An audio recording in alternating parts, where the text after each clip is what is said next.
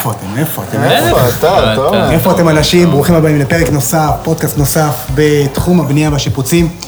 ואני נמצא פה עם אה, שני קבלני מפתח, קבלני שלד, ונמצא פה גם מפקח וקבלן בדימוס. תכף נציג לכם.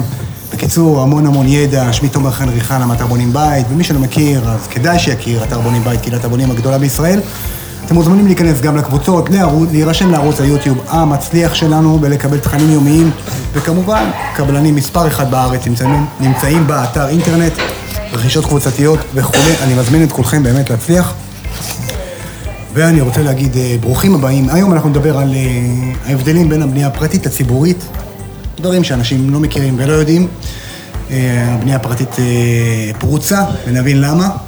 ואנחנו נדבר גם על עלויות בנייה, נדבר על הצעות מחיר של קבלנים, מה זה אומר קבלן זול, מה זה אומר קבלן יקר, איך מתייחסים לדברים האלה בכלל.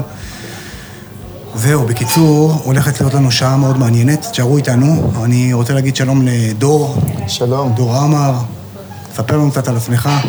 אז ככה, אני דור עמר, מחברת אה, דורי לבנייה ופיתוח. אנחנו בונים אה, בעיקר בתים פרטיים באזור הדרום, וזהו בגדול. זה מגניב. התחום שלנו. טוב, אנחנו פה באיזה חנות ריצוף בתל אביב, והיה פודקאסט ספונטני, אז אה, אם אתם שומעים ככה רעשים של לקוחות וזה, אז תסלחו לנו, אבל אנחנו... 200 שקל למטר. בדיוק. אה, וניר, ניר סיני, הגדול, אהלן, אהלן. מה קורה? מה העניינים? פצצה. כן, הכל טוב. מעולה. ניר- ניר שגיא, בנייה וניהול פרויקטים. אה, בונים גם וילות, גם אה, פרויקטים, אזור השפלה, גם דרום ציבורי, מרכז, גם פרטי. ציבורי, גם פרטי, מתעסקים בהכל מהכל. מעולה. ויעקב אביב, התותח. יעקב אביב, מאביב פיקוח וניהול פרויקטים, אה, קבלן לשעבר, היום מפקח ומנהל פרויקטים באזור דרום. מעולה. כולכם מאזור דרום.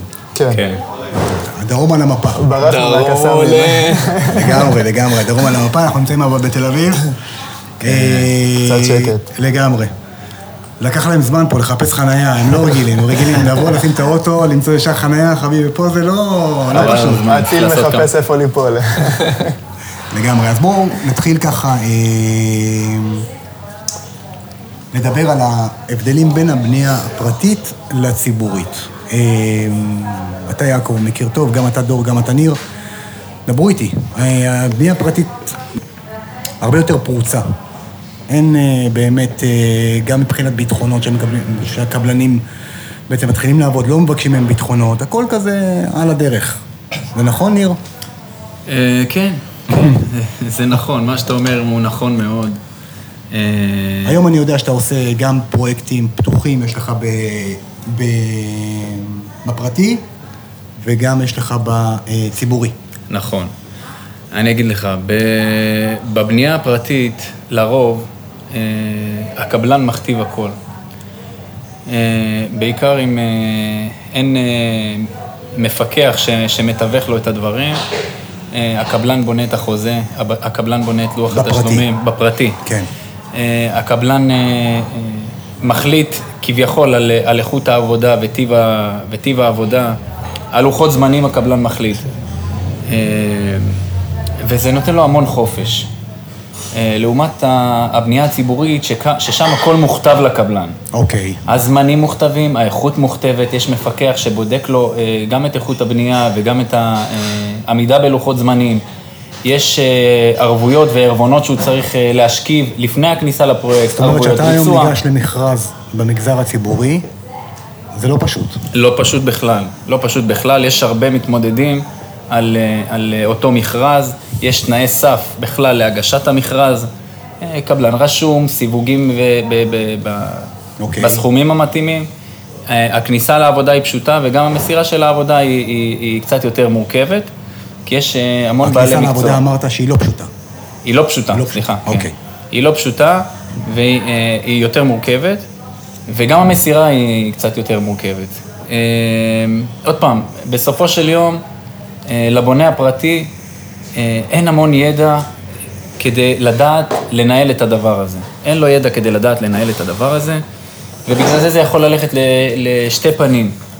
אה, לקבלן שמנצל את הדבר הזה לרעה ו- ובונה אה, חוזה ולוחות תשלומים ודברים שהם, אה, שהם כולם אה, ככללם לטובתו, אה, או קבלן שהוא אה, הוגן, קבלן הוגן שהוא... אכפת לו מהשם שלו. שאכפת לו מהלקוח, שבאמת רוצה לתת מוצר טוב, ועושה את הכל אה, בצורה מאוד מאוד הוגנת. אה, בגלל זה זה מביא אותי לעניין הזה שלרוב בבנייה פרטית, כששואלים אותי באמת בארבע עיניים, מה אתה ממליץ, אם אה, ללכת עד מפתח או לקחת מפקח, אז אני תמיד, תמיד במאמרים מוסגרים, נמליץ על לעשות בדיקה, לקחת מפקח באמת טוב, שהוא בעצם העיניים של הבונה. הוא העיניים של הבונה, הוא יודע לקרוא חוזים, הוא יודע מה צריך לעשות, וככה הבונה לא מתמודד לבד עם משהו שהוא לא יודע. יכול להיות שהוא... אה, אה, שהכל יהיה בסדר, כן? והוא לקח אה, קבלן טוב והכל טוב, אבל יכול להיות מאוד שלא. אוקיי. ול- ולרוב זה, זה, אני אגיד את זה בעדינות, הבונים מאוד מתפתים ללכת ל, ל, לקבלנים שתחרותיים מאוד במחיר. ולרוב, אם זה קבלן תחרותי במחיר, אז, אה, אז החוזה ייטיב עם הקבלן עצמו, החוזה שהוא בונה. ובגלל זה חשוב מאוד שיהיה מפקח, שיפקח על הדברים האלה, ושיוודא שבאמת הדברים מתנהלים כסדרם, וימשוך את הדברים האלה שיהיו אה, כמה שיותר אה, קרובים לאופן שבו התהליך מתבצע בבנייה הציבורית. כי זה, זה תהליך נכון יותר, בגדול. הבנתי. יעקב, איך אתה רואה את הדברים? ואתה בנית ים ועילות בפרטי, והיה עבדתי- לך גם עניין בציבורי. עבדתי גם אה, לא מעט זמן בציבורי. צריך כאילו, קשה להסתכל על הפרטי ולהגיד איך זה צריך להיות, או מה לא טוב, או מה, לא, או מה כן טוב, כי הפרטי הוא מאוד פרוץ. אה, איך עובד הציבורי בעצם? בציבורי אחד, אתה מצד אחד עובד מול אנשים שהם מהענף, זאת אומרת, הם מכירים את ה... בציבורי אתה עובד מצד אחד עם אנשים שמכירים את הענף. הם יודעים מה הרף, מה הציפיות. הם לא מתעסקים בשטויות, כי יכול להיות שסתם דוגמא, בונה פרטי היה באיזה טיול בבית מלון, וראה איזה משהו שהוא רוצה שזה יצא ככה, אבל פה הבעלי מקצוע לא יודעים להביא את זה ככה, וזה גם לא מקובל. הרמות הן שונות, הם מכירים את השוק, את הרמות, אה, הציפייה מאוד ברורה, אבל מצד שני, הר... הכניסה לביצוע היא קשה. למה? אין מצב כזה שאתה עכשיו אה, בציבורי אה, מעביר חתימות ולוקח אנשים. מה זאת אומרת מעביר חתימות? נגיד היום שאתה עכשיו אה, בשוק הפרטי, שחצי מהקבלנים, ואני עדין מאוד, לא רשומים, אין להם בכלל ניירת אה, בסיסית, הם לא יכולים בחיים לעבוד בציבורי.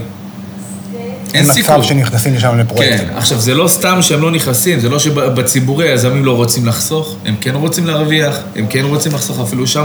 זה יותר עניין ביזנס מאשר שהבונה הפרטי הוא בונה לא רק לביזנס, הוא בונה בשבילו. שם הפוך, שם זה נטו ביזנס. ועדיין, הם לא הכניסו אותם. זאת אומרת שאם מישהו לא רשום ולא מכניסים אותו, אז... אה, ואותו בן. אדם, זה, מבחינתו זה רק עסק, שהוא הכי רוצה לחסוך, אז יש הרבה סיבות למה.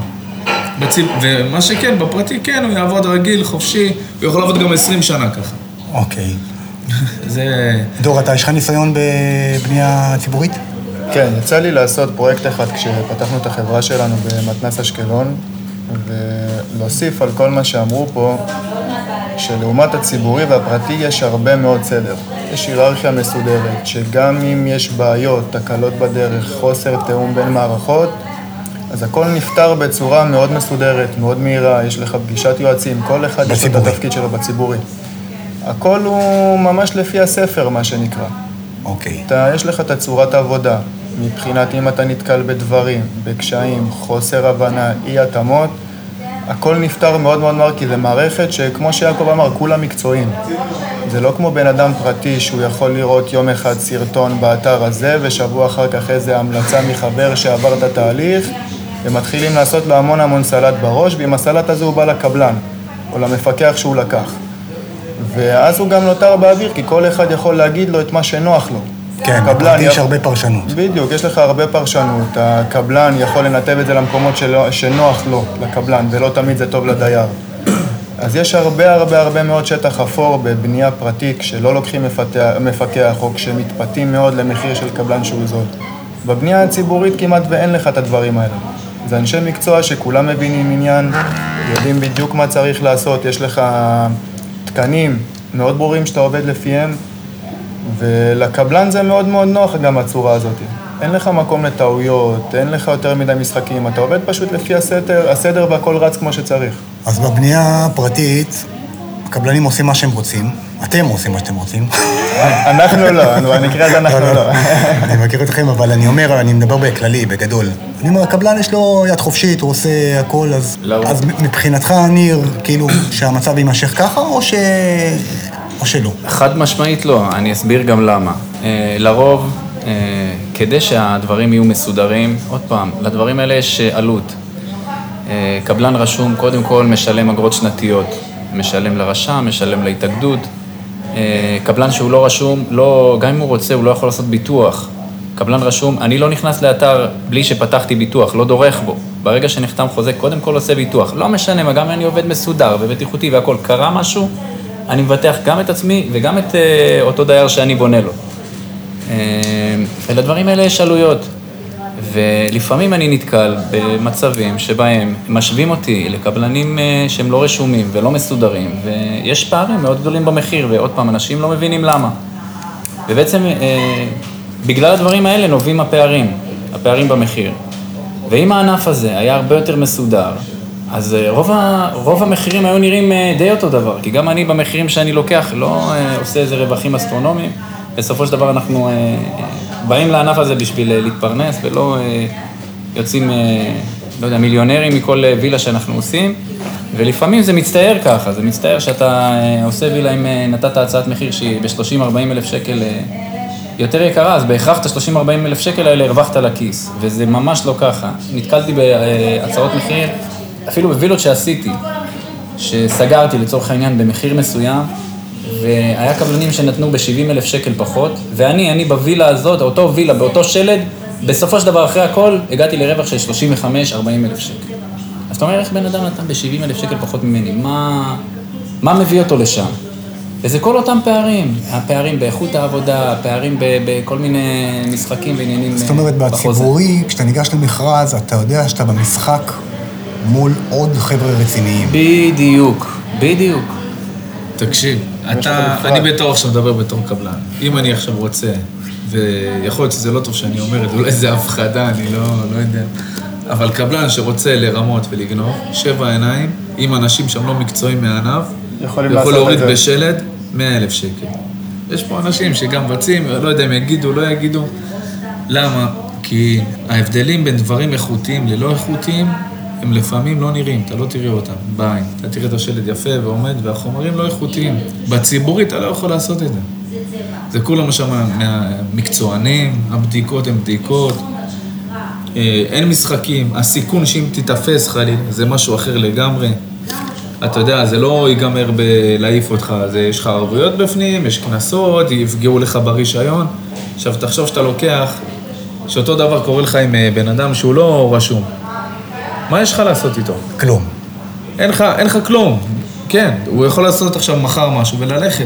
אבל גם, אתה יודע, עכשיו- יבואו ויגידו, "אה, אין בעיה, אני אקח מפקח, אבל גם תחום הפיקוח בשוק הפרטי הוא פרוץ. כאילו, אני יכול אה, להביא איזה מישהו שאתמול סיים בית והוא נהיה לי מפקח, או שהוא היה אינסטלטור ונהיה לי מפקח, או שהייתה מעצבת פנים ונהייתה לי מפק- מפ- מפקחת, כן, כאילו. מסכים לגמרי. אז מה?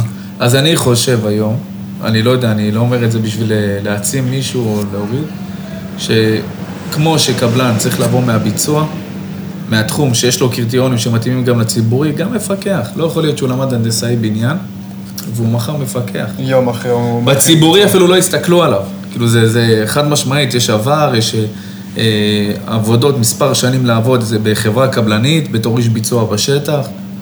זה, צריך להכיר את זה מקרוב, אתה לא יכול להיות מחר עורך דין להגיש בקשות לבית משפט. זה לא עובד ככה, גם פה אצלנו. תשמע, אני יכול להגיד לך בתור קבלן גם, שעובד תחת מפקחים. כמו שיעקב אמר, גם אה, לצערנו, גם שוק הפיתוח, הפיקוח נהיה מאוד פרוץ היום, כמו שוק הקבלנים.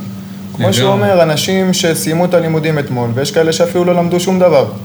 ראו קצת מסמרים, איך עושים תפסנות, למדו דברים כאלה, ויאללה, רצים על זה, נוח להם לעבור מאתר לאתר, להתלבש כמו דוקטורים, לבוא לזרוק כמה הערות ולהמשיך את היום שלהם. ויצא לי לעבוד תחת אה, מפקחים, שהם באמת לא מבינים עניין. וחוץ מזה, גם שהם לא מבינים עניין, הדייר הוא סוג של סומך עליו. אז הוא אומר, טוב, אני אקח מפקח במחיר מסוים, יכול להיות שהוא גבוה, ואני אקח קבלנים במחיר זול. הוא חושב שהמפקח יתקן את העבודה שלהם ויוציא מלימון לימונדה, וזה לא תמיד ככה, למה? הקבלן, לא- המפקח לא יכול להיות כל היום בשטח. כן, בדיוק דיברתי עם זה על ניר היום הוא, בבוקר. הוא עושה את הסיבוב שלו, בטוח יש לו עוד כמה פרויקטים. עכשיו, לא משנה כמה הפיקוח יהיה צמוד עם המפקח והכל, ברגע שהקבלן לא יהיה טוב, בשנייה שהמפקח יסתובב, הוא ישר ינסה לעשות את החפיף שלו, ולחפף, ולחשוב על הכיס שלו ודברים כאלה. בשביל להוציא מוצר כמו שצריך, זה לא רק מפקח טוב או קבלן טוב, זה שילוב של שניים. של שניים שפשוט באים לעשות את הכי טוב, ולא עכשיו מחפשים איזה שוטר שיתפוס את הדברים הלא טובים וכאלה. זה לבוא לעשות את הדברים כמו שצריך. ובשביל זה צריך אנשים עם ידע וניסיון. לא כל אחד יכול לעשות את זה. הבנתי. אז מה, אז מה עושים? כאילו, למה, למה אין רגו- רגולציה בשוק הבנייה הישראלי? למה לא הופכים את הפרטי כמו הציבורי? אה, הלוואי. איפה, איפה האינטרסים מתנגשים פה, ויש אינטרסים פה בשוק? אה, קודם כל, אני חושב ש... לאט לאט מנסים לעשות את זה, אבל זה דבר ש... ש... שהוא מאוד מאוד קשה. מאוד קשה לעשות אותו בתחום הפרטי. בסופו של דבר, עובדה שמחייבים את הבונה הפרטי לא להתעסק עם קבלנים לא רשומים, ואומרים לו שזה בעיה, וזה זה, וזה זה, וזה זה, ובסוף הוא כן מתעסק. בסוף, כשאתה הבונה הפרטי, מאוד קשה לאכוף את זה. למה? כי הבונה מתפתה לחסוך? כי הבונה מתפתה מתפתה. לחסוך, בהכרח. אוקיי. כן, כן, בעיקר. אה, בגלל זה קשה כן, אבל, אבל, לעשות זה, את זה. אבל זה אותו דבר גם, ב, נגיד, ב, בציבורי. גם, גם יזם רוצה לחסוך. כן, אבל זה אחרת. יזם מבין את ההשלכות ואת הנזקים שיכול להיות עם האנשים שאין להם, אה, הביטוח לא מכסה אותם. בואו נתחיל בזה. רק בגלל זה הוא לא, לא ייקח את הסיכון הזה. הוא רוצה להרוויח יותר מהבונה, לפעמים הבונה זה לא, לא מטרה עסקית כמו שאמרנו. אז למה המדינה לא מסדירה את זה? אין לי שליטה, עכשיו בן אדם רוצה לשפץ עכשיו מקלחת. מה תעשה לו? הוא ייקח את מי שהוא רוצה. אותו דבר לו, אתה יכול להכריח אותו בוועדה, להביא קבלן רשום, אה, לחתום על אה, מהנדס חיצוני שהוא מפקח כביכול, להחתים את הכל. וכן מכריחים אבל- אותם, אבל עובדה שזה... מה תביא עכשיו, אה, שוטרים שיטפלו בזה? זה לא עובד ככה, אתה מבין? זה, כל אחד בסוף זה עניין של משמעת עצמית. ואתה רואה את זה בשטח, את העובדה של הבלגן, של מה שקורה. נכון, אבל כמו שבציבורי יש קנסות, גם בשוק הפרטי צריכים להיות קנסות. כאילו, הרי בסוף, הרי בסוף מי שנפגע זה הבונה. איך שלא תיקח את זה, תסובב את זה, כאילו הבונים חושבים שהם חוסכים, אבל הם לא חוסכים, כי בסוף זה, הם, הם נפגעים. נכון, נכון. אז, אז מה, כאילו אותו, אתה, אה, ניר, דור, גם אתה שהיית קבלן, אתה, אתה מוצא את עצמך מתחרה, לא, באותו, לא באותה ליגה. כאילו זה... אני אסביר לך, אני אסביר לך, בסופו של דבר הבונה הוא אדון לעצמו, הוא יכול לעשות מה שהוא רוצה, לעבור את הוועדה יש לו שיטות, יש היום מיליון שיטות בחוץ, להביא גם קבלן רשום, לעשות, אה, גם הקבלן לא רשום שרוצה לבצע את העבודה, בדרך כלל הוא בעצמו יביא לו את החתימה. אז פה הוועדה או המדינה או כל גוף ציבורי או כזה אחר לא יכול למנוע את זה. מי שיכול למנוע את זה זה הבונה עצמו. בדיוק. הרוב פה זה עניין של כסף, זה הרוב. הפערים מטורפים. אני בעצמי, תשאל אותי למה אני לא מבצע היום, לא שווה לבצע. לא כלכלי?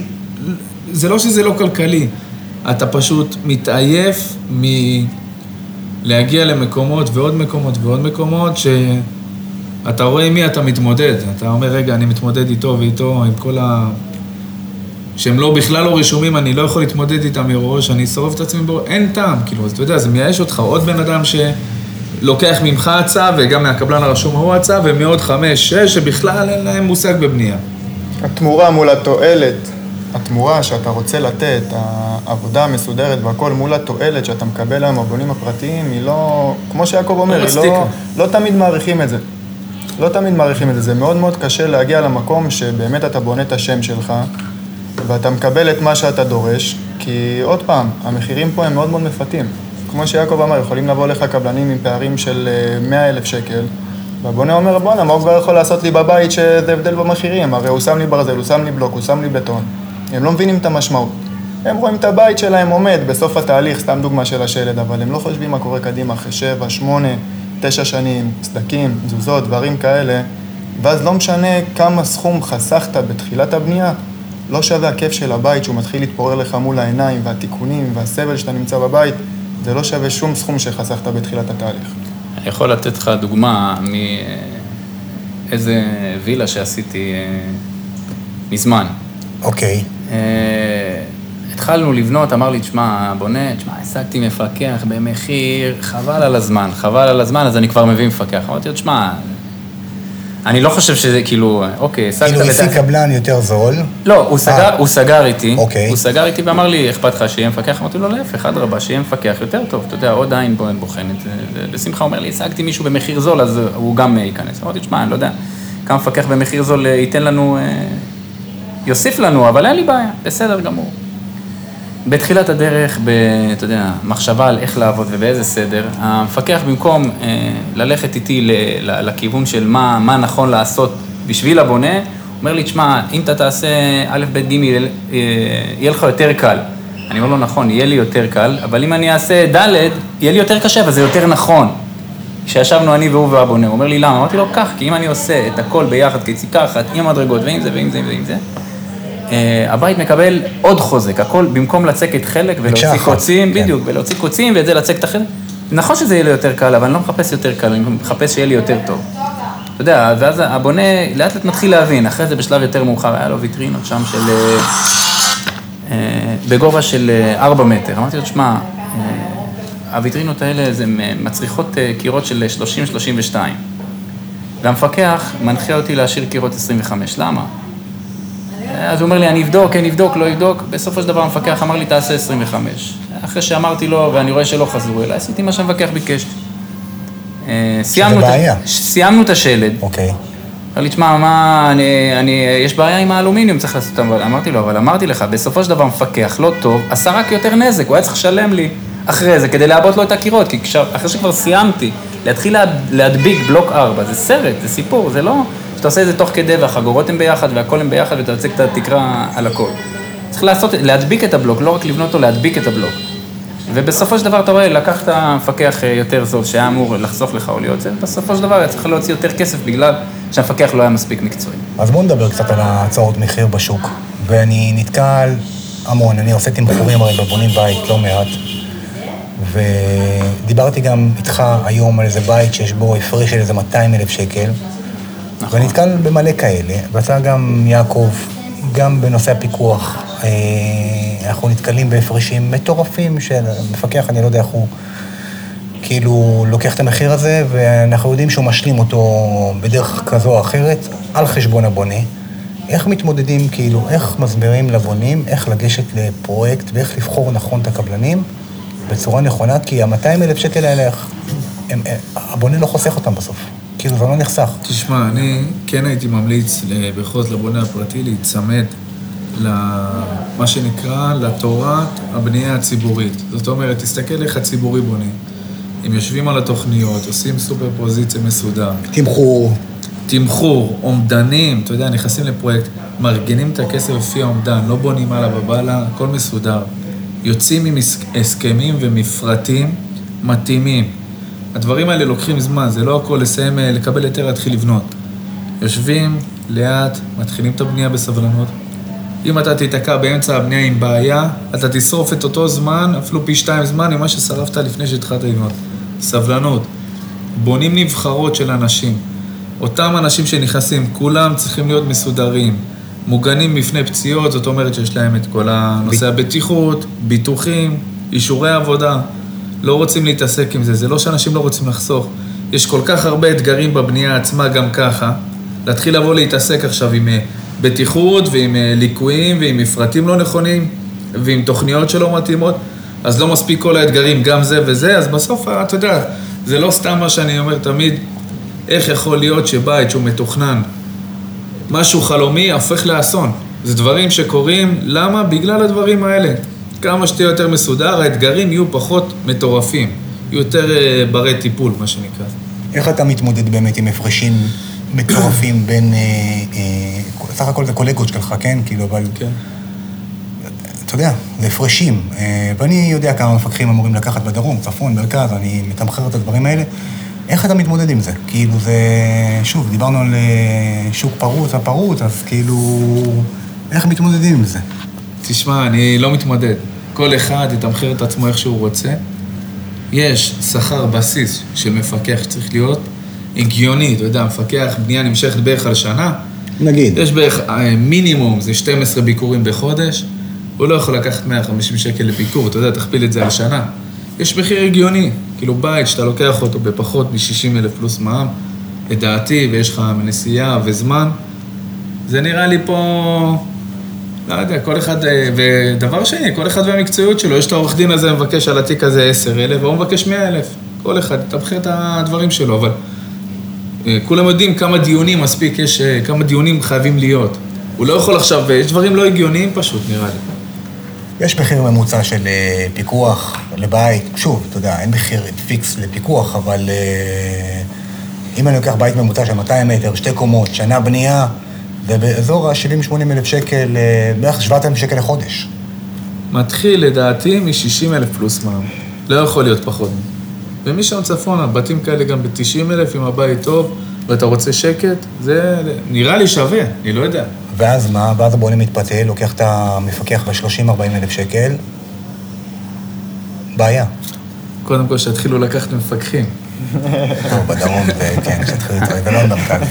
במרכז יש יותר מודעות לפיקוח, וגם, אני חושב שמבחינת מקצועיות, המפקחים יותר מקצועיים, אבל איך אתה מתמודד, אה, גם אתה, דור וגם אה, ניר, איך אתם מתמודדים עם ההפרשים המטורפים האלה בהצעות מחיר? איך אתם מסבירים לבונה את, ה, את היתרון באיכות, היתרון בשירות, את ה-whatever, לא יודע. כאילו, אתם חיים את היום-יום הזה. נכון, נכון. עוד פעם, אה, אני כשאני יושב עם, עם בונה, קודם כל, אם הוא מנפה, אם הוא מראה לי הצעות מחיר שהן באמת, הן רחוקות מההיגיון, אני, והוא דבק בהן, אני לא ממשיך. אין לי, אין לי מה לנסות להסביר לו, כי אני מבין שהוא במקום אחר.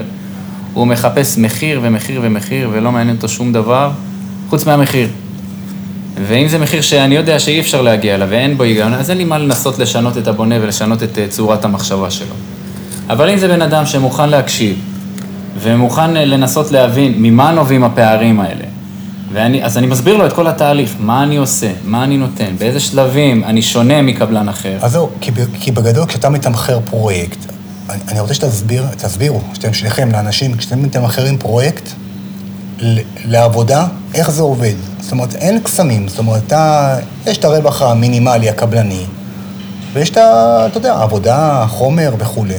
אז ככה שאתה לא בא לעשות סיבוב על הבונה. ואז יש את ההפרשים האלה שהם בעייתיים, כי בסוף ההפרש הזה זה הרווח, הרווח שלך, הרווח הקבלני, שהוא גם, גם ככה לא גבוה. בשוק, נכון. ה, בשוק הבנייה. נכון, לגמרי, עוד פעם. בסופו של יום, אם אה, בונה מגיע עם, אה, עם אה, הצעת מחיר, אומר לי, תשמע, קיבלתי ככה וככה, שהיא לא הגיונית לטעמי, ישבתי על התוכניות שלו, תמחרתי, בדקתי, עשיתי, יש לי את האחוז רווח הקבלני שלי, שאותו אני אה, מתכוון לקחת. אם הוא בא עם מחיר שאין בו היגיון, אין לי אפילו מה להמשיך איתו את התהליך.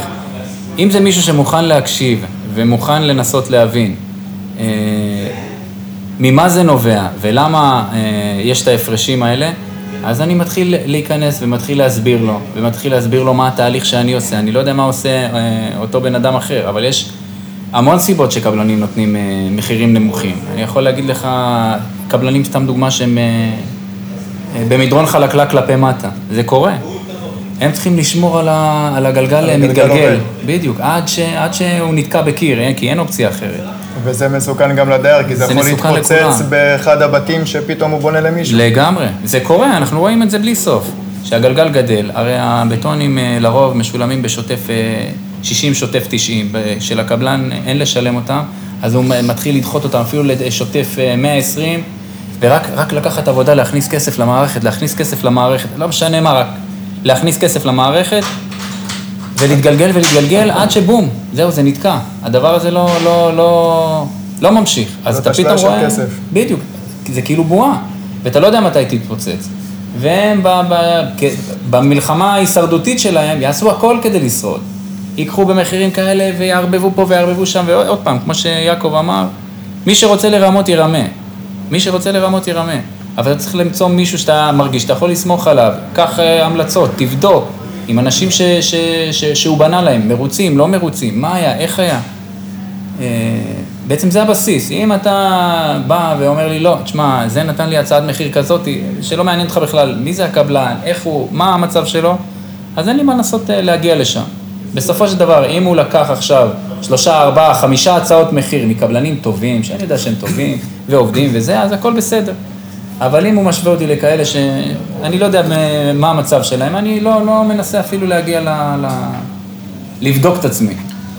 אני רק רוצה לחזק איזה משהו שפעם אמרתי אותו. בבנייה הפרטית עובדים שתי סוגים של קבלנים שביניהם החבל דק. הקבלנים שהם הטופ בענף הבנייה, שהם לא רוצים ללכת לציבורי כי הם מרגישים שהם יותר מדי טובים והם מתבזבזים שם, לבין הקבלנים שהם כל כך כאילו למטה, שהם אפילו לא יכולים להתקבל לעבודות בציבורי. ושם נמצאים, ומאותם אנשים לוקחים גם מאלה וגם מאלה הצעות מחיר, זה מתערבב. החבל הוא מאוד דק. הפער בין, אתה, אני לפעמים, נגיד אם הייתי בונה, לא הייתי יודע להבדיל אם, אם זה מהטופ של הטופ, או שזה מהאנשים על הפנים. נכון, אז, אז, אז, אז בעצם נוצר ואקום, יש את הקבלנים המאוד טובים בשוק הפרטי, מאוד, אני מכיר, גם בצפון, גם בדרום, גם במרכז, גם כמה שמות אה, טובים בדרום, אותו דבר בכל הארץ, ויש את הפח, ו... ויש באמצע. כאילו, אין מה לעשות. איך הבונה בוחר בעצם, כשהוא רואה הפרש של 200-300 אלף שקל? כי אם אני נפגש עם ניר עכשיו ולוקח ממנו הצעת מחיר, והוא מתמחר לי את הפרויקט בצורה... אה, ואני כרגע לא לוקח בחשבון שהם עשו אצלי אומדן, כי אם עשו אצלי אומדן הם מסודרים. כן, אבל נגיד במידה והם לא עשו אומדן. אז הם לא באמת יודעים, הם אומרים, אוקיי, מאיפה 300 אלף שקל, או מאיפה 250 אלף שקל? זה חתיכת סכום. עוד פעם, נחזור קודם כל על ההבדל, יש את הקבלנים הבאמת איכותיים שהם כאילו רוצים יותר אתגרים, יותר בנייה מעניינת, והם בווילות זה המקום, מאשר עכשיו לבנות 30 אה, קוטג'ים שזה אותו דבר. יותר מעניין, יותר מאתגר. ויש את האלה שבחיים לא יכולים לקחו אותם לציבורי כי הם לא מתאימים בתנאי קבלה, במירכאות. אני בתחילת דרכי בפיקוח אה, נתקלתי בבונה שהבאתי לו, ביקש קבלנים, הבאנו לו, הוא גם מצא לבד, סגר עם מישהו מהסגנון הממוצע, לצערי הממוצע של הבנייה הפרטית, אין לו רישום, אין לו כלום, בא, הביא איזה צוות. ואני די ב, כבר בכלונסאות הבנתי שאנחנו בנפילה, נפילה של החיים, אני אגיד את זה, ופשוט אה, זה היה אתגר. קודם כל אני רוצה להתחיל מהסוף, גרים בבית, הבית טוב, אחד הבתים היפים, גם צילמנו אותו ביחד. אוקיי.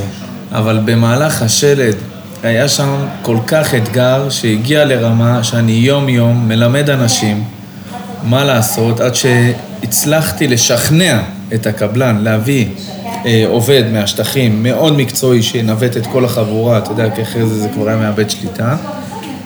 וככה סיימנו את השלד, שלד של חודשיים בחמישה חודשים.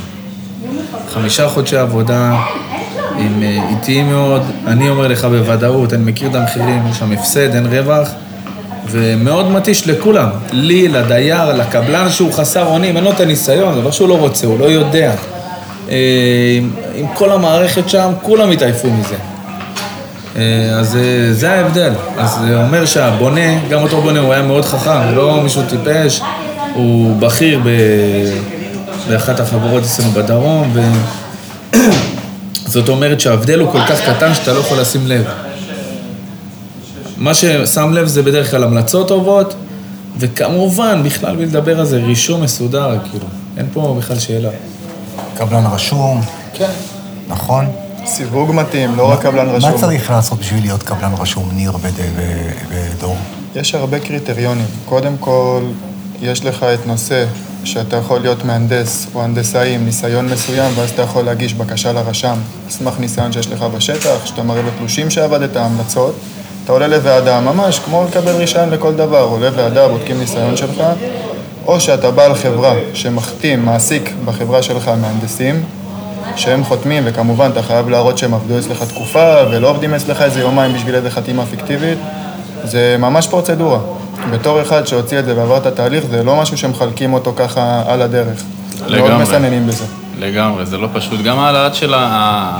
להעלות את הסיווג זה גם אה, תהליך שהוא לא כן. לא פשוט. צריך להוכיח פרויקטים בסדרי גודל מסוימים, מא' ועד ת', זה לא משהו שקורה אה, בצורה פשוטה. עוד אני מהראשונות הישנים מ-2013, שאז זה כבר היה קשה, אחרי זה עוד היה החמרות, זה היה יותר... אה, נהיה יותר מסובך. גם אז היה ממש קשה, היה צריך חמש שנות ניסיון, ב-2013, אני לא יודע מה היום בדיוק, חמש שנות ניסיון בענף הבנייה, ו-X מטרים, מספר מטרים מסוים בבנייה. שביצעת. כן. אבל בסוף קיבלת את הקבלן רשום, לא משנה, דור, יש לכם קבלנים רשומים, כולכם פה, כן. אבל בסוף מישהו עושה את העבודה והצוות. כן. אבל מי מכתיב את רוח החטיבה? המח"ט. תקשיב, אתה יכול לקחת צוות, ש... אותו צוות. אצלי הוא יעבוד אחרת מאיך שהוא יעבוד אצל אה, מישהו אחר. ממש ממש אחר. למה? למה? כי הוא יודע מה אני דורש ממנו, מה אני מקפיד, מה אני רוצה, איך אני רוצה לבצע את הדברים. אני אבוא, אפקח עליו בבוקר, בצהריים ובערב. אני אבדוק איך הוא עושה. הוא, הוא, הוא יכיר כל דבר וכל תחילת תהליך לפי השיגעון שלי של מה שאני דורש ממנו. וברגע שהוא עובד אצלי והכל טוב והכל יפה, זה קורה, אתה יודע, אז... אחרים פותחים את העיניים, מדברים, הוא הולך לעבוד במקום אחר. אבל שמה, בסופו של יום, אין עליו את העין. אפילו לא יודעים בכלל מה, מה, מה, מה צריך. לוקחים, על, לוקחים אותו, אומרים לו, תשמע, תעשה, זורקים עליו תוכניות, ויש לו יד חופשית. עכשיו, אם הוא יכול לסיים את הווילה, במיוחד אם הוא סגר בקבלנות, בשלושה שבועות אה, מוקדם יותר, אם הוא יחפף פה ויחפף שם ויחפף ויחפף, אז הוא יעשה את זה. הוא יעשה את זה. אם לא יהיה מי שיכוון אותו ויגיד לו וידרוש ממנו, אז הוא ירד בסטנדרט, חד משמעית, והוא יבנה בסטנדרט אחר. אותם אנשים, ממש אותם אנשים. אני יכול אה, לספר על ניסיון שהיה לי לא מזמן. אה, יש לי קבוצות שהן באמת ותיקות וכבר מכירות את כל הרמה שהכתבנו ועבדנו על דברים ביחד וכל אחד משלים את השני והם יודעים בדיוק איך צריכה לבוא העבודה. לא להיות ראש קטן, העיקר לשים ברזל, זה הצורות קשירה, איך עושים, השיטות בנייה והכל. ובאמת הם אנשים שעובדים טוב. ובא בן אדם שהחליט לפתוח גם, לקרוא לעצמו סוג של קבלן, לא מהקבלנים הרשומים. החליט פשוט לקחת איזושהי קבוצה, לקרוא לעצמו קבלן, כמו הרבה שעושים את זה היום, ולהתחיל לבנות. והוא חשב שהוא עלה על דרך המלך, הוא פשוט בא לקבוצה שלי והציע לה יותר כסף. הוא היה בטוח שאם הם בונים ככה אצלי, הם יקבלו את אותה, תוצ- הוא יקבל את אותה תוצאה אצלו. זה קרה לכולנו וקורה זה- לכולנו. זה כשהם קורה מנסים כל למשוך יום. צוותים, זה לא יעבוד. כן, זה לא עובד. זה, זה מאוד תלוי בעיניים שנמצאות בשטח, במה אתה מכתיב להם. הרי העובד בסופו של יום, כל אחד יבדוק את הגבולות של בעל הבית שלו. זה כמו ילד והורה. העובד בסופו של יום, הוא רוצה, הוא מחפש לעצמו את העבודה הקלה, את הדרך הקלה בשבילו. הוא מחפש גם לפעמים לחסוך בכסף. אם הוא יזרז את העבודה, הוא יקבל את הכסף שלו יותר מהר, בזמן קצר יותר, וזה יבוא על חשבון טיב של עבודה. ואנשים חושבים שאם פשוט הם ייקחו את העובדים למקום אחר, בלי אותם עיניים, בלי אותם פיקוח, תצא אותה תוצאה, וזה ממש ממש לא נכון. ממש אז לא נכון. אז ההפרשים האלה נובעים גם מאיכות העבודה וגם בעצם מהתמחור של החומרים שלך. אתה מתמחר את הכל. נכון. גם את התפסנות, גם את החומר, גם את. הבטון, גם את האיכות של הבטונים, הכל הכל הכל נכנס שם. אז ה-200 אלף שקל שההפרש הזה, זה בסוף על חשבון הבונה. תשמע, אני אומר ככה על תחום הבניין. תחום הבניין הוא תחום שנקרא לואו-טק. זה לא איזה הייטק שמישהו עכשיו המציא איזה שבב ואיזה פטנט והוא יכול לקצר לך פתאום תהליכי בנייה ויש איזו שיטה שתחסוך לך 100 או 200 או 20 אלף שקל. בטון זה בטון, בלוק זה בלוק, ברזל זה ברזל, ידיים הן עובדות. כמובן, יש תקנים ברור. שמייקרים כל דבר ויש לך רמה א' ורמה ג' וכאלה. אבל זה לא שעכשיו מישהו יכול ול- לבוא ולמצוא לך איזו שיטה שתחסוך 100 אלף שקל והבית יצא טוב. זה לא קיים. אם יש תחום שהכסף לא משקר בו, זה תחום הבניין. ואני ממליץ לאנשים פרטיים שלוקחים הצעות מחיר, שיקחו באמת כמה קבלנים טובים. עכשיו הטווחים בין קבלנים טובים לא יכולים להיות בטווחים של 100 אלף שקל הפרש. לא. ברגע שאתה לוקח רק קבלנים טובים, תראה הפרשים של 10, 20, 30, 40 במקסימום, כל אחד כמה הוא מעריך את עצמו וכמה הוא, הוא באמת מכתיב את הרמה ורוצה להרוויח יותר בבית. כי הוא אומר, אני נותן דברים אה, אקסטרות וכאלה, אז הוא רוצה להרוויח יותר. ואם אתה רואה ששלושה או ארבעה קבלנים טובים על אותו סדר גודל של מחיר, אז אתה מבין שהכל פה תקין. אבל אם אתה לוקח משתיים, שלושה, סתם דוגמה מחיר של חצי מיליון, ופתאום בא לך קבלן רביעי שנותן לך 300 אלף שקל, אתה צריך להבין שמשהו פה הוא לא תקין. לגמרי. אין פה איזה חיסכון של 200 אלף שקל שהוא יכול לבנות את אותו בית, שהוא יצא כמו שצריך ולחסוך 200 אלף שקל, זה לא קיים. כי קבלן היום לא מרוויח בבית 200 אלף שקל. אז החיסכון הזה בא על חשבון משהו. והבונים הפרטיים היום מאוד מסתנוורים ממחיר, וזה מובן, כי זה סכום משמעותי, אתה יוצא פה לתהליך מטורף, וכל שקל זה יכול להיות סלון, זה יכול להיות מדבר, זה יכול להיות חדר שינה. אבל הם לא מבינים שהפערים האלה באים על חשבון משהו. זה משהו שהבונה הפרטי מאוד מאוד מאוד חייב להבין. אני אתן לך עוד אה, דוגמה. אני עכשיו, כשאני יושב עם אה, לקוח, אני לוקח את התוכנית שלו ובוחן אותה בארבע עיניים, כדי לבדוק לפני תחילת הביצוע ולפני שאני חותם איתו, איזה דברים אני יכול לעשות כדי ל- ל- שהבית שלו יהיה יותר טוב. אפילו, אתה יודע, דברים קטנים. כן. כמו אה, למשל חלק של הפיתוח שלא תלוי, אז לתלות אותו, להוסיף איזה 2, 3, 4 כלונסאות. אני מדבר איתו על הדברים האלה, באמת, כדי ש... כי אני רוצה שהכל יהיה הכי טוב שיכול להיות. ויש קבלנים שמחכים עם הדברים האלה בפינה. הם סוגרים. תוך כדי התהליך. במחיר, הם יודעים ש... שזה יגיע. הם כבר צופים את זה, את הם כבר החודש. צופים, אז כן. הם מורידים את הכסף עכשיו, ואז כשזה מגיע, אז פתאום פותחים, ותוספות אסטרונומיות ודברים. אני לא אומר שאין תוספות. אם עכשיו התחלנו וזה, ו- ויש תוספות שעולות כסף, צריך להיות סגורים מראש, לפני שעולים לשטח, נכון. אם עכשיו עשינו ובנינו. ושינינו, אז צריך לשלם, יש תוספות אה, בגדר הסביר, אבל לא, לא בצורה כזאת של, אה, אתה יודע, לחכות בצד לדברים שרואים אותם כבר בתוכניות שיש בהם טעויות, לחכות שיקרו כדי לבקש את התוספת. אגב, דיברנו בהתחלה על תשלום בציבורי. איך אתה, אתם בתור קבלנים מקבלים את הכסף בציבורי, ואיך זה בפרטי? בפרטי הקבלן יכול לבוא לך, מחר, כל יום חמישי אני משלם לפועלים, תביא, אני צריך את הכסף אה, היום. אה, תנו כמה מילים על אה, תשלום בחלק הזה של ה... החלק הכי חשוב, אני חושב, בתחום הבנייה הפרטית. נושא התשלום. בציבור יש לך שתי מרכיבים, אחד מרכיב של אישורים, זאת אומרת, יש לך כל סוף חודש אתה מגיש חשבון, יש כמה אנשים בדרך כלל שמאשרים את זה, מנהלי החברה, יזמים או קיבוץ, לא משנה מול מי אתה עובד, ומפקחים בשטח, לפעמים זה לא אחד. ואז יש את העניין של השוטף, שהשוטף הוא בעצם עניין תזרימי של אותו חברה. זאת אומרת שקבלן שהולך לעבוד בפרויקט ציבורי והוא הולך לקבל גם שוטף, הספקים שלו, גם של אותו פרויקט, הם, הם גם ב, משתתפים בחגיגה כמו שהוא מקבל, ככה הם מקבלים. בפרטי, בגלל שהוא מקבל מזומן, גם הספקים שלו בדרך כלל שואפים לאותו מזומן. זה לא שעכשיו אה, יש פה איזה חגיגה שונה, זה ברור, פה זה פרטי, פה זה ציבורי, הם יודעים גם את האתרים, את השכונות, לפי האספקות, לפי המשאיות, זה הכל על השולחן. אני אגיד גם לגבי הציבורי והפרטי, בציבורי יש לך משהו שהוא מאוד פשוט מבחינת גם תשלומים, כמו שיעקב אמר, יש לך להגיש חשבון כל סוף חודש, מפקחים שמאשרים אותו, עוברים, בודקים מה עשית. עכשיו התשלום מתבצע לפי מחירון דקל לרוב. זאת אומרת... בציבורי. בנ... כן, בציבורי. בנית קיר של בלוקים, מטר מסוים, יש לך מחיר בשבילו. אין לך מה להסתבך פתאום, כמו עם בונה פרטי שהוא אומר, מה, אבל עשית את זה בחצי שעה, למה אתה רוצה אלף שקל על חצי שעה? לא נכנסים איתך לפינות האלה, יש לך מחיר מסוים. שמוכתב לפיו, עשית את השלב הזה, יושבים, מחשבים כמויות, יש לך חשב כמויות לרוב בעבודות הציבוריות, מפקחים, רואים מה עשית, ולפי זה מתמחרים. בבנייה הפרטית זה פחות ככה, כי לא תמיד גם הבונה הפרטי מבין את הקושי של בניית קיר מסוים. הוא בשבילו זה יאללה, כמה בלוקים, אה, טיט וכאלה, והוא חושב זה בחצי שעה נבנה. והם לא מבינים. ואז יכול ליצור מחלוקת, כמו שניר אמר, שאתה פתאום מגיע לתוספות מטורפות. הבונה הפרטי לא מבין למה זה. וזה לא טוב, תמיד עדיף לסגור דברים לפני. ובציבורי אין לך איפה לברוח. עשית משהו, יש לך את המפרט, את המחירון דקל, הולכים לפי זה. אין לך ימינה-שמאלה, אין לך שטח אפור. וזה מאוד נוח לקבלן, לדעתי. כן, נכון. זה באמת אה, הבדל אה, עיקרי, שלרוב, לרוב בציבורי, אה, הגשת חשבון וכל הדברים כאלה, הקבלה של הכסף זה על בסיס כמויות, ועם הבונה הפרטי אתה סוגר פאושלי. זה ההבדל, פאושלי. לקחת את התוכניות, הסתכלת, ישבת עליהן מאלף ועד תף, גם אם סגרת מפתח, גם אם סגרת שלד. רק שלד, ונתת פאושלי, שזה בעצם fix price לכל העבודה. והבונה משלם לך כל... לפי הבונה- שלבים, לפי שלבים, כן. שזה רצוי. נכון. לעבוד ככה. לפי שלבים, רצוי. אה, אני מכיר קבלנים שגם מבקשים אה, מקדמות, אני לא אני נוהג לא מאמין לבקש. בזה, ואני אומר. את זה כל הזמן. לא לשלם מקדמות.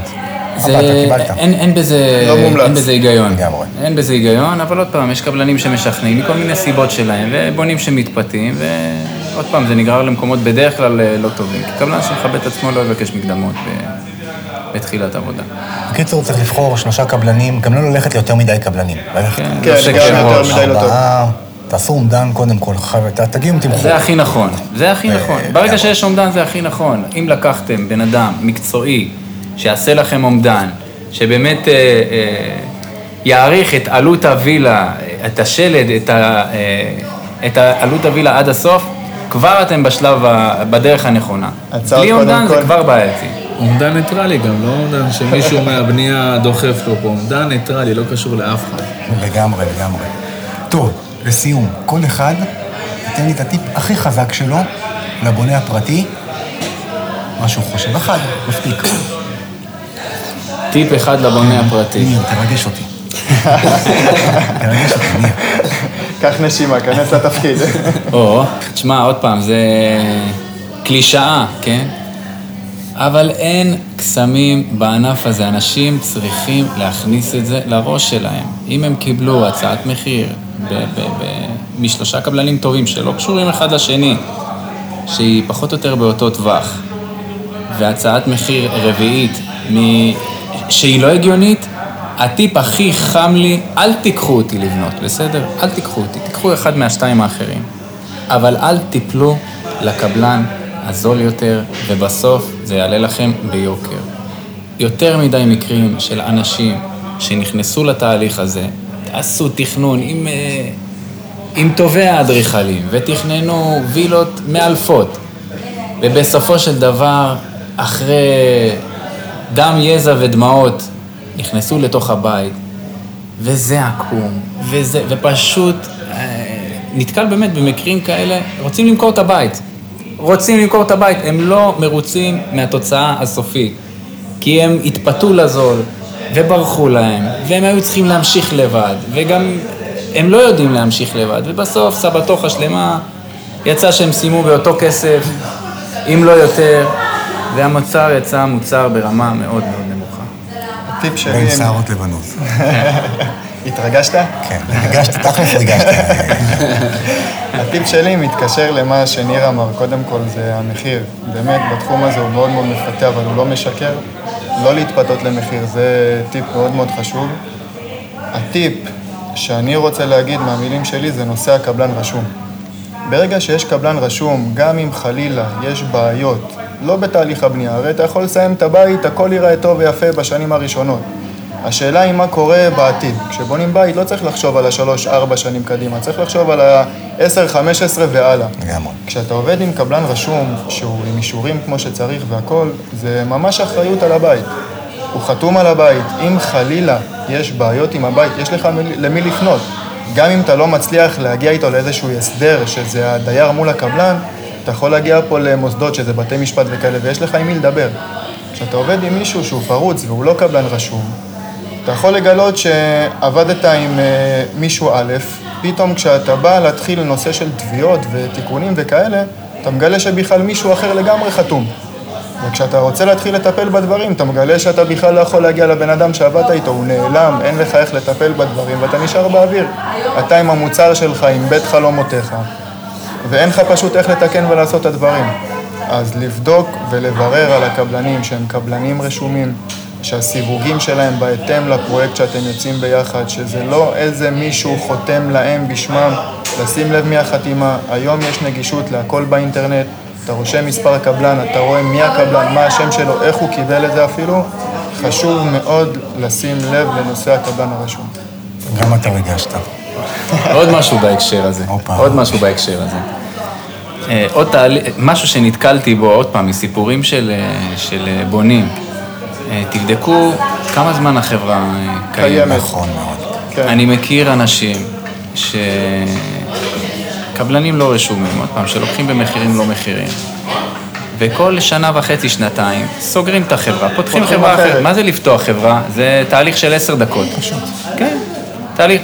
חברה קבלנית, חצי שנה עד שנה. התהליך, עד שאתה מקבל, הבן אדם לא יסגור אותה. לקבל, אה, לפתוח חברה קבלנית זה הליך שהוא לא פשוט. ומה קורה? בנו מה שקרה, טוב, לא טוב, סגרו את החברה, אין עם מי לדבר, אין עם מי לדבר. בסוף הבונה חתום מול חברה ולא מול בן אדם, ואם נסגרה החברה, אז זהו. כמו שניר אמר, עד שמקבלים את התעודה של הקבלן רשום, זה באמת תהליך שהוא הרבה הרבה זמן. אז הבן אדם, החברה הקבלנית שיש לה את התעודה, אכפת לה מזה, מהתעודה. אחרי שהוא הוציא וכל הוועדות והאישורים והדברים, הוא לא יתחיל להרוס את זה ולעשות משהו רע בשביל לאבד את זה, הוא ישמור על זה. אכפת לו מהשם שלו. תשמע, אני שומע את הטיפים, גם כשאני הייתי מבצע, זה הטיפים שהיו לי, היום אני פה בפיקוח, זה משהו אחר. אה, לדעתי היום הטיפ שכן צריך להיות לבונה, הוא לבוא מאוד מוכן לתהליך, קודם כל מבחינה של התיאום, אה, תיאום פוזיציה בתוכניות. דבר שני, אומדן מדויק. דבר שלישי זה מפרטי עבודה והסכמים שמתאימים. זה... אי אפשר לצאת לדרך בלי זה, אתה יודע, אנחנו חיים את הבנייה, כולם פה. לגמרי, זה אר- ארבעה דברים שאמרת עכשיו. אומדן הוא חשוב מאוד, אומדן. זה, זה, זה לגמרי מה שאני אומר כן. כל הזמן. ועם זה, ברגע שהם, ברגע שהם אה, בעצם אה, אה, יוצאים עם הדברים האלה, קל להם לבחור גם קבלנים. כן. קל להם. הם יודעים מה הם צריכים בדיוק. לשלם, הם התכוננו לזה, אין פה הפתעות, אין פה... אז חברים, אתם בשלב פוקוס. התכנון, תיגשו נכון לשלב הביצוע. הוא עושה לכם את הבחירות הרבה יותר קלות, אתם לא צריכים לדעת כן מחיר נכון, לא מחיר נכון, אתם יודעים. פחות או יותר מה נקודת הייחוס. ואני מזמין את כולם, כמובן, גם להיכנס לאתר בונים בית. אני בודק את הקבלנים עם המון המון המון אה, ניסיון, BDI, כלכלי, ותק, בקיצור, אה, המון עבודה. אה, אין לי הרבה קבלנים היום בזה, תעודת עניות בשוק המליאה, ואני מקווה שזה יגדל בעתיד הקרוב. אז אני רוצה להודות לכם, יעקב אביב, ניר סיני, דור עמר, מדהים. תודה לך. ריג- ריגשתם, היה כיף, ותודה רבה. חברים, אם יש לכם שאלות, תרגישו חופשי להציק להם כמה שיותר, הטלפון שלהם. אה, ניר, מה הטלפון שלך? אה, 0523-95-7722. חשוב להזכיר, כמובן, אני לא בחברה לבד. אה, הביצועיסט הכי אה, רציני בחברה זה פחות אני, זה יותר שגיא, השותף שלי, שהוא זה עם, ה, עם הפטיש אה, ככה. בשטח. אתה מהנדס. אני עם הגזר לרוב, כן, כשהם מחפשים. גזר, באים אליי, אני שואל את שגיא אם מותר לתת. אבל... אז אה, אה, מגניב. תרגישו חופשי כן. להתקשר לניר. אה, דור, מה הנייד שלך? הנייד שלי הוא 052-727-4245. באמת, מי שיש לו שאלות, להתייעץ לגבי הביצוע, טיפים, דברים, תרגישו חופשי. בשביל זה אנחנו בקהילה הזאת. לגמרי. יעקב, מה הנייד שלך? 052-335-8818, מוזמנים להתקשר בכל שעות היום. תענוג. אז אה, יעקב, תודה רבה. תודה רבה לכם. אני מקווה שנהנתם. נהנינו מאוד. אה? תודה לך, תומר, שאירחת אותנו, היה באמת אחלה. בכיף, אנחנו יושבים פה קולע. קרמיקה. כן, חבל. מדהים, באמת. אה, זהו, חברים, שיהיה לכם אחלה שבוע. תודה, תודה. בכיף, ביי. להתראות.